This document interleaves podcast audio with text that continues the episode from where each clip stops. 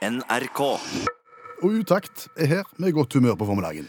Om du har inntrykk av at stadig flere reiser på flytur med kun håndbagasje? Ja, absolutt. Ja. Jeg føler det blir mer og mer håndbagasje inne i, eh, i kupeen, heter det det? Inne i flyet. Ja, inni der. Ja. Inni den der sylinderen der du sitter. Ja, stemmer det. Jeg har også hatt inntrykk, og sist gang jeg var i London, da reiste jo jeg, jeg reiser jo med håndbagasje jeg. Eh, Da var det sånn at, eh, da sa de at det er ikke plass til all håndbagasjen, så noen må sette den fra seg her, og så blir den lagt unna i, i lasterommet, og folk måtte jo stappet jo inn overalt, så, så det er liksom, alle har håndbagasje, og gjerne litt for mye. Gjerne halvannen koffert også. Og forklaringen, delvis økonomisk. Ja, eh, for på et eller annet tidspunkt så fant jo flyselskapene ut at det å ha med bagasje når du er på tur, det koster oss jo faktisk litt penger, for det er jo noen som må jobbe med det, og, og få det inn under flyet og ta det ut igjen. Så det må vi ha penger for. Det er jo det ene. Det andre er jo det praktiske aspektet. Ja. Stadig flere har jo funnet ut at det er på mange måter greiere, og, og egentlig nok, med en liten koffert. Og koffertene har jo blitt så bra nå, og så, så, så sneisende, at de er greie å ta med seg. Ja, og så er det jo sånn at når du da har landa, så slipper du å stå med dette rullebåndet og vente på kofferten som ikke kommer, fordi du er i London, men kofferten er i Helsinki. Eh, og dermed er det jo greit å ha kontroll på kofferten sjøl. Da vet du at du eh, har den med deg, og, og du er raskt ute. Ja, og så er det også greit når du skal sjekke inn, for du slipper da å gå i skranken og levere inn kofferten, så det går fortere den veien òg. Fordeler, fordeler. Men det var da vi ble sittende og diskutere. For som sagt, eh, sist jeg var i London, kun håndbagasje på meg, og, og sist du var på tur, Kun håndbagasje på meg. Stemmer det. Men hvor langt og hvor lenge har folk vært vekke med kun håndbagasje? Det er et godt spørsmål. Ja.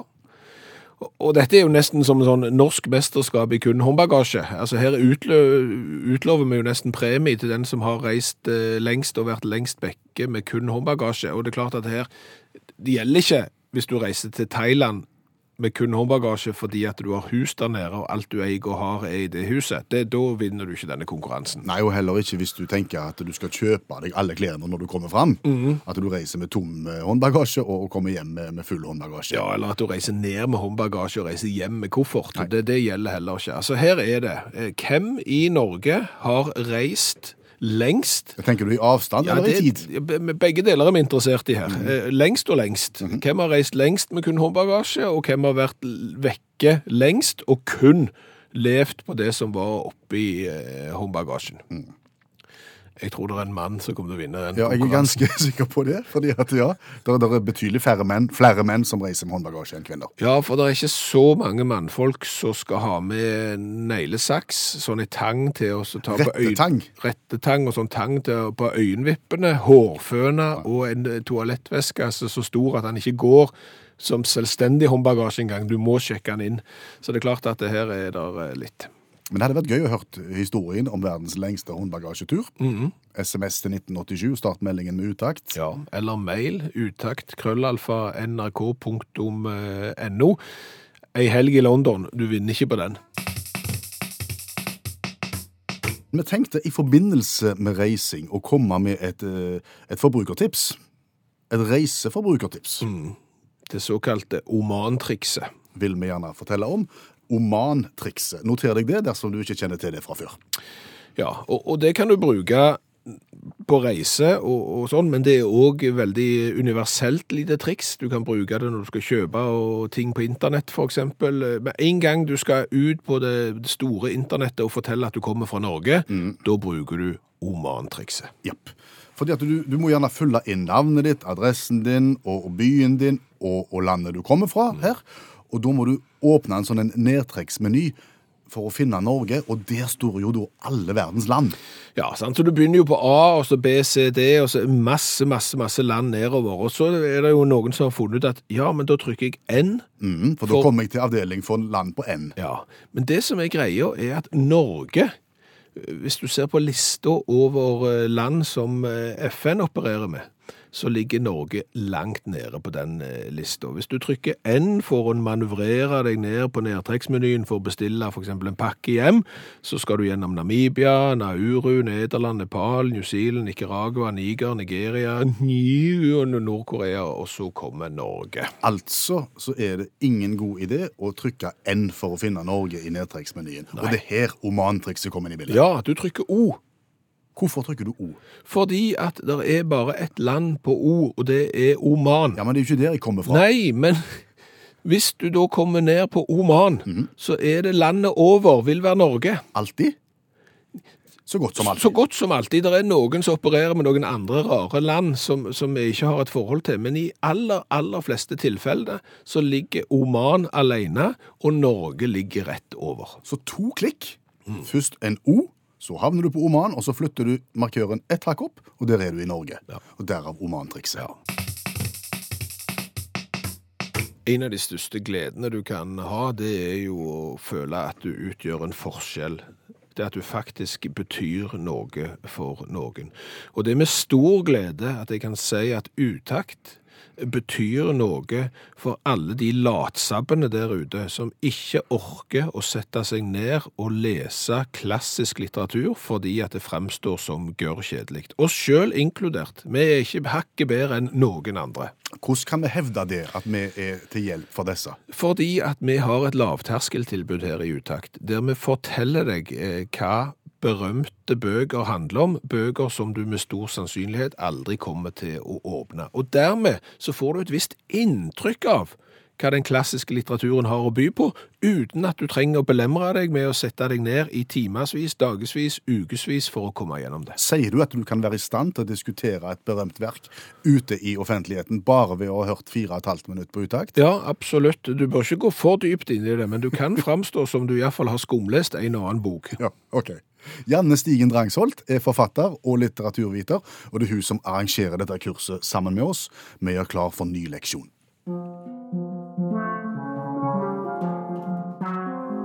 Dødens dager av William Faulkner fra 1930. Familie bærer kista til død mor til hjemplassen hennes, trass i at en flom gjør veien nær ufremkommelig. De blir utsatt for sult, tørke, brann, utstøtelse og galskap. Det er 15 fortellere, og en av fortellerne er den døde mora. Det hørtes veldig trist ut. Det er veldig trist. Det er det. Eh, og denne familien, det er ikke, det er ikke liksom en sånn en sosialdemokratisk, velfungerende familie som eh, har unger som går på SFO og sånne ting. Det er, nå snakker vi sørstatene i USA. Eh, på begynnelsen av 1900-tallet. Eh, mye grums eh, og veldig lite lykke. Men jeg føler jo at når det er 15 fortellere, så blir det lettere kaotisk. Og det innbyr jo ikke akkurat til lesing for min del. Nei. Eh, og det er jo òg sånn at det, eh, når du liksom Den ene eh, karakteren er jo ganske ung og skjønner veldig lite av det som skjer. den andre holder på å bli gal. Eh, den tredje er jo eh, den døde mora som forteller liksom fra inni kista. Det er liksom begrensa perspektiv. eh, så det, der er Det føles noe mørkt og trangt akkurat nå, men eh, Men jeg hører ting. Okay. og, og, så, så derfor så tenker jeg denne boka kan det være greit å bare få oppsummert. For det som jo er tilfellet med de aller aller fleste bøkene som du har oppsummert for oss, de har jeg jo hørt om før. Men- Men 'Dødens dager', den kjenner ikke. Nei, men er, det er en av 1900-tallets store klassikere. Og William Faulkner, han eh, begynte å skrive han Altså, han, han skal ha skrevet fra midnatt til klokka fire om natta hver natt i seks uker. Og så var han ferdig, og så endra han ikke et eneste ord etterpå. Så det, det gikk mye av seg sjøl for William Faulkner å skrive denne boka. Og den er helt fantastisk, men den er den tilhører den eh, litteraturhistoriske perioden som heter modernismen, hvor han var veldig opptatt av å vise at eh, virkeligheten er ikke en sånn lang eh, fortelling som henger sammen. Den er fragmentert, og den er brokete, og alle ser eh, den fra forskjellige perspektiv, og ingenting henger egentlig sammen. Og, så den er et veldig godt bilde på en typisk modernistisk roman, da. Og la meg gjette at med 15 fortellere der annet hun ene er inne i kista, at denne, hvis han har blitt filmatisert, så er det ikke mange som har sett filmen. i. Nei, det er det ikke. Og jeg tror ikke han har blitt filmatisert heller. Nei, ok, Så Ja. da må du høre på dette. Du må nesten det. Ja. Men er det rasemotsetningene det handler om? Nei, ikke så veldig mye. Faulkner er- var litt rasistisk, eh, og han var ikke så veldig opptatt av dette med rasemotsetninger. Men det er en sånn en såkalt white trash-familie. Eh, Det er en sånn fattig, hvit familie eh, med folk som ikke har gått en halv dag på skolen. Eh, Og det slutter jo med at faren lå Han har jo ikke tatt med seg eh, ei spade for å grave ned denne kista, eh, så han må jo låne ei spade eh, av ei dame. Og det ender opp med at han, når han leverer spada tilbake, spør om hun vil gifte seg, og det vil hun. Så det at han finner seg jo en ny kone på slutten. I, I begravelsen til Ja, kona si, ja, ja. som ikke er død, for hun ligger i kista og hører hører alt det. Har du et sitat? Jeg har et sitat. Hvor ofte har jeg ikke ligget under et fremmed tak og tenkt på hjemme? Var det hun i kista som sa det?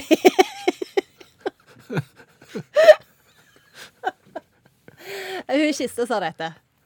Meningen med livet er å være død i lang tid.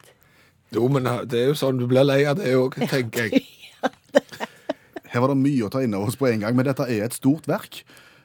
Vil du oppsummere? Altså For meg ble jo dette nesten som en tragisk farse med innsmett av 71 grader nord. Altså Her begraver du en som, som ikke er død. Mannen, eh, Ektemannen gifter seg med en som har lånt spade av i begravelsen til, til hun som ikke er død i, i kista. Ungene har ikke fullført eh, skolen i det hele tatt. Og i tillegg så skal du i 71 grader nord-stil overvinne hindringer på veien som flom, og, og det, det kunne jo faktisk blitt et realityshow. Hvis du bare hadde tørt. Ja, det kan jo det. Tusen takk, Janne Stigen Drangsholt, forfatter og litteraturviter, tidligere hjelpetrener i friidrett og klassekontakt på andre trinn. Det var verket Dødens dager, det, på eh, litt over fire minutter. Ja. Det gikk fort. Det gikk fort, og hvis du lurer på hva andre bøker vi har vært gjennom i denne serien her, så er det bare å søke opp podkast. Kjente bøker på fire minutter, så kan du finne et vel. Det er nesten som et bibliotek nå av bøker du slipper å lese, og kun kan lære på tre-fire minutter. Og hvis du syns det er litt pinlig å gjøre det på denne måten, her, så skal du vite at du ikke på noen måte alene. Dette er blitt et veldig populært tiltak. Om det er mulig å få noe vinterolympisk musikk?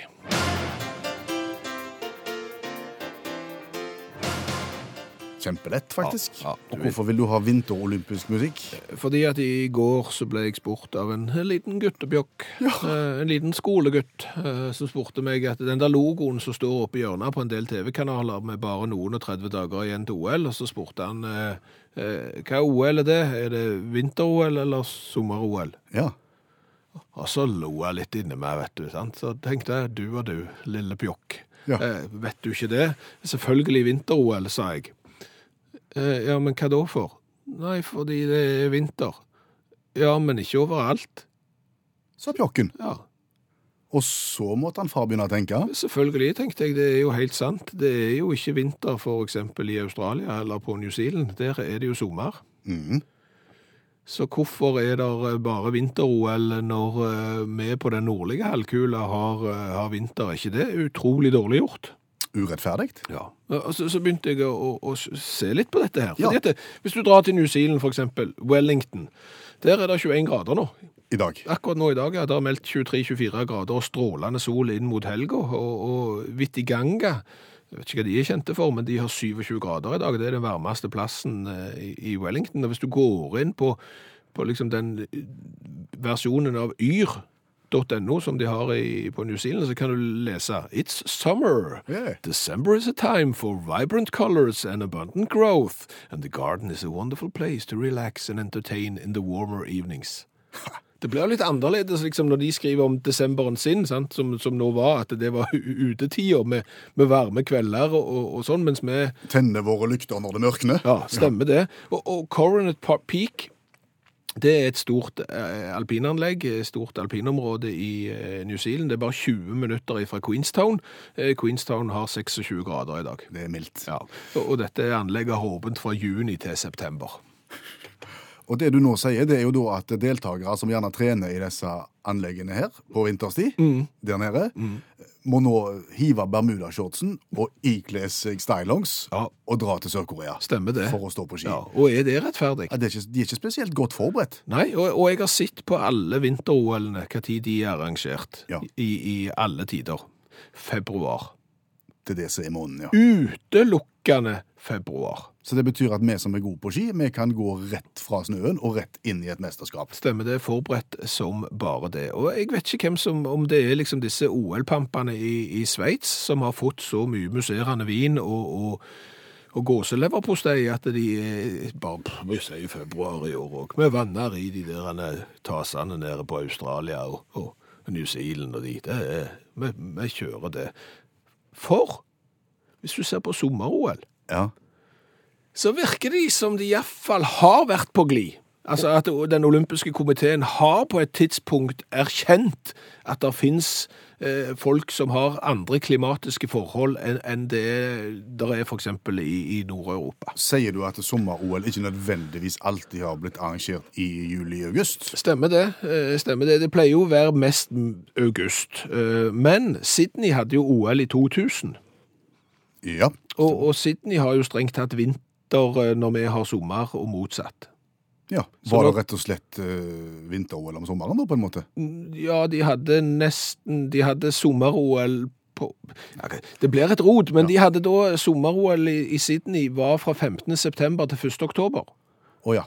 Da hadde det begynt å våres litt. Ja, da hadde på en måte vinteren sluppet taket. Så du ser at de har på en måte vært inne på det. Men de var enda bedre før. Å, Eh, fordi at eh, hvis du ser på Melbourne i 1956 det er klassisk olympiske leker. Ja, det ble arrangert mellom 22. november og 8. desember.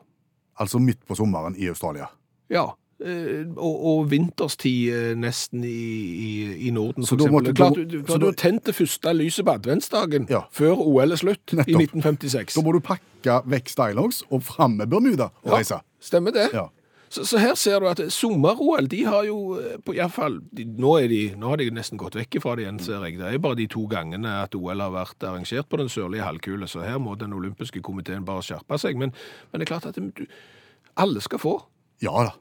Og, og til og med de på den sørlige halvkule. Det, bare et lite fun fact helt til slutt her.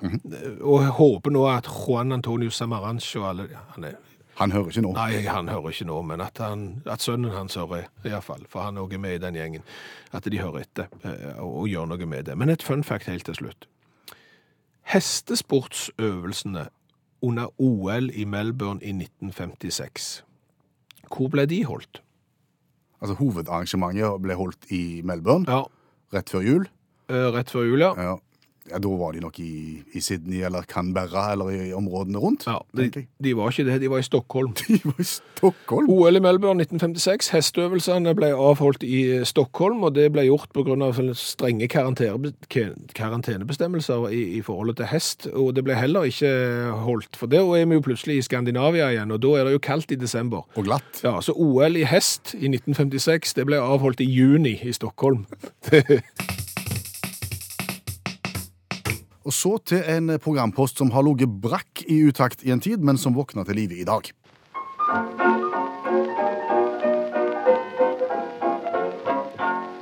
Dagens revyvise. Ja, eh, fordi at eh, hvis du drev med underholdning eh, og scenekunst på ei tid når var all underholdning nesten var på radio, og du hadde iallfall ikke farger på fjernsynet ditt, det var garantert svart-hvitt, da var det jo sånn at det kom en inn på scenen eh, og sang en liten vise, med gjerne en litt sarkastisk tekst, med spark i øst og vest til autoriteter og den slags, og som gjerne tok opp noe som var veldig aktuelt der og da. Fulle, fulle fart. Inn på scenen, lirte av seg, ut igjen. Ja. ja. Det, det- det var på en måte en sånn, sånn samfunnsrefsende kommentar, nesten med, med humorbrodd på. ja. Klarer vi å gjenskape noe av det? Det er jo det vi har tenkt å se om vi kan få til, og det er å komme på jobb på morgenkvisten, åpne avisa eller gå inn på nettsiden og se, er det noe som har skjedd de siste dagene som kan være verdt eh, ei revyvise, og du mener jo at det har du i dag, for det var derfor du lot den programposten gjenoppstå. Ja, for jeg har latt meg fascinere av debatten hvorvidt du kan kalle kalkun for bacon.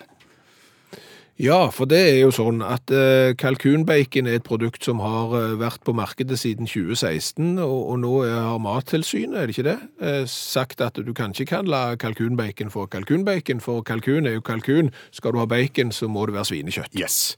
Så jeg har satt meg ned og skrevet ei bitte lita revyvise om hvordan fenomenet kalkunbacon egentlig oppsto.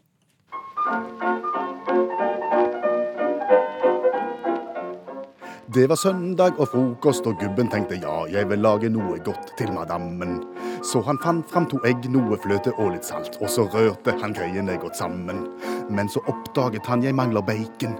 Har kun rester av nyttårskalkunsteiken. Så han skar tynne skiver og serverte fruen det, og slik oppsto begrepet baconfaken. Hvor langt og hvor lenge går det an å reise rundt omkring i verden utelukkende med håndbagasje, spurte vi om i starten av programmet. Og nå angrer vi nesten på at vi spurte. Ja, det er så kolossalt mange som har sendt oss mail og SMS om lange turer med kun håndbagasje. Og det bekrefter jo vår teori om at stadig flere reiser med kun håndbagasje. Misforstår meg rett, det er utrolig kjekt med alle tilbakemeldingene, men det er nesten så vanskelig å håndtere og få oversikt over alle. Men her er noen. Ja, eh, her er noen. Tre uker i Kambodsja med kun håndbagasje, forteller Susanna og Finn. Er det lenge? Nei. Det er ikke lenge. Nei, det er ikke lenge. Fordi at Jofri hun reiste fire uker til Spania og Marokko med kun en liten ryggsekk. OK. Så har du jo de som i utgangspunktet har koffert med, Men men, men som sånn sett reiser kun med håndbagasje. Eksempel i 2005 så var Freddy og kona skulle til Thailand via København, og når de kom fram, så var det ikke koffert. Da var det kona sin koffert som mangla, og en nabo kunne per telefon bekrefte at kofferten sto igjen midt på gårdsplassen hjemme. au. Så det ble jo på en måte et opphold med kun håndbagasje som ikke var tenkt sånn. Tore Låg har vært eh, på tre og en halv uke på vestkysten i USA med San Francisco, Los Angeles osv. Og, så videre, og en tur til, til Hawaii uten koffert. Den kom fram halvannen uke etter at hun var kommet hjem. Akkurat. Men vi er på tre-fire uker her, altså nå. Ja, eh, og, og det blir eh, Det er jo litt sånn Resepten det er jo noen som klarer mange stopp òg med bare håndbagasje. Oslo, Bergen, Houston, Lisboa, retur Oslo. Det er jo imponerende, Kari. Fem uker i Andesfjellene.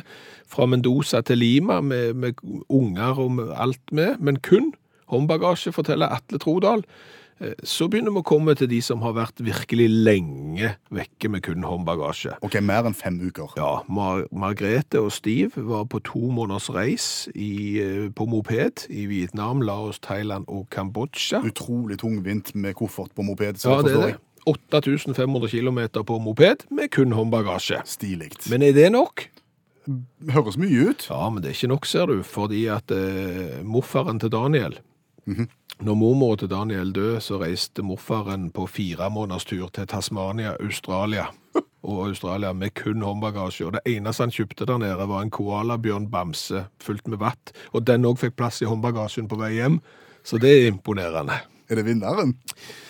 Det er vinneren hvis eh, vi regner fly, men det må jo være lov å reise med håndbagasje på andre fremkomstmiddel òg. Okay. Eh, og, og den meldingen jeg har fått her, forteller om en eh, 77 år gammel kjenning til vedkommende som har eh, skrevet historien. Han skulle da mønstre på utenriksfart i sine unge dager, og da var det jo gjerne vekke i to år eller mer. Ja. Og når da han skulle mønstre på i New York og gikk over eh, Hva heter den der? Gangbroen? Nei, det den, det der den der som du går opp Langgangen? Langgangen. Så sier jo han som står der, vakten, du, eh, har, er, det, er det håndbagasjen? Ja, det er håndbagasjen, det kunne han fortelle. Men sjømannssekken da, har du ikke pakket masse klær og sånn i den? Nei, men har, har du ikke sjømannssekken med deg da? Jo, jo, Eh, hvor er den? Inni håndbagasjen. Så eh, vedkommende da var vekke i eh, mer enn to år, og reiste kun med håndbagasje. Det er vel kanskje vinneren i dag. Du, hva har vi lært i dag? Å du allvideste verden. I dag har det vært så lærerikt at jeg eh, klarer mest ikke å oppsummere, men vi har jo blant annet lært omantrikset. Ja. Det er når du skal ut på internett og skal fylle ut Norge fra en sånn nedtrekksmeny av land, så ligger Norge langt nede, men trykk O for roman og gå ett hakk opp, så treffer du stort sett alltid Norge. Eh, Så har jeg jo òg lært boka Dødens dager på kun fire minutter. Det kan jo være interessant. Eh, Og så har jeg lært det at i sommer-OL 1956 Melbourne, da slukka OL-ilden etter første søndag i advent. 8. desember var sommer-OL slutt i 1956. Og det er jo naturlig i og med at det da er sommer i Australia på den tida. Ja, men det er jo ingen som tar hensyn til vinteridrettsutøverne i Australia og New Zealand for eksempel, for nå er jo alltid vinter-OL, og har alltid vært i februar. Thor har kommet med et veldig godt kompromiss her, at utøverne i vinter-OL eh, gjør øvelsene sine kun iført bermudashorts og T-skjorte med V-hals. God idé. Det kunne være en sykt eh, god idé. Helt til slutt. Ja. Vi har jo snakket om hvem som har vært lengst på tur med kun håndbagasje. Ja. Folk har vært vekke i månedsvis og kun hatt håndbagasje. Men jeg fikk en interessant historie fra en Dag Ånderå. Eh, og han lurte på om dette bare gjaldt håndbagasje, eller om det også kunne gjelde kroppsbagasje. Mening. For sommeren 1961 så bodde han på Nesodden og skulle padle kajakk til Åros i Røyken, der det var gymnasiastleir. Men kajakken sprang lekk, så han måtte summe over Oslofjorden 2000 meter for å nå fram samme dagen. Ja. Eneste bagasjen ble derfor kroppsbagasjen, altså badebuksa, til en leir der han skulle være vekke i ei uke.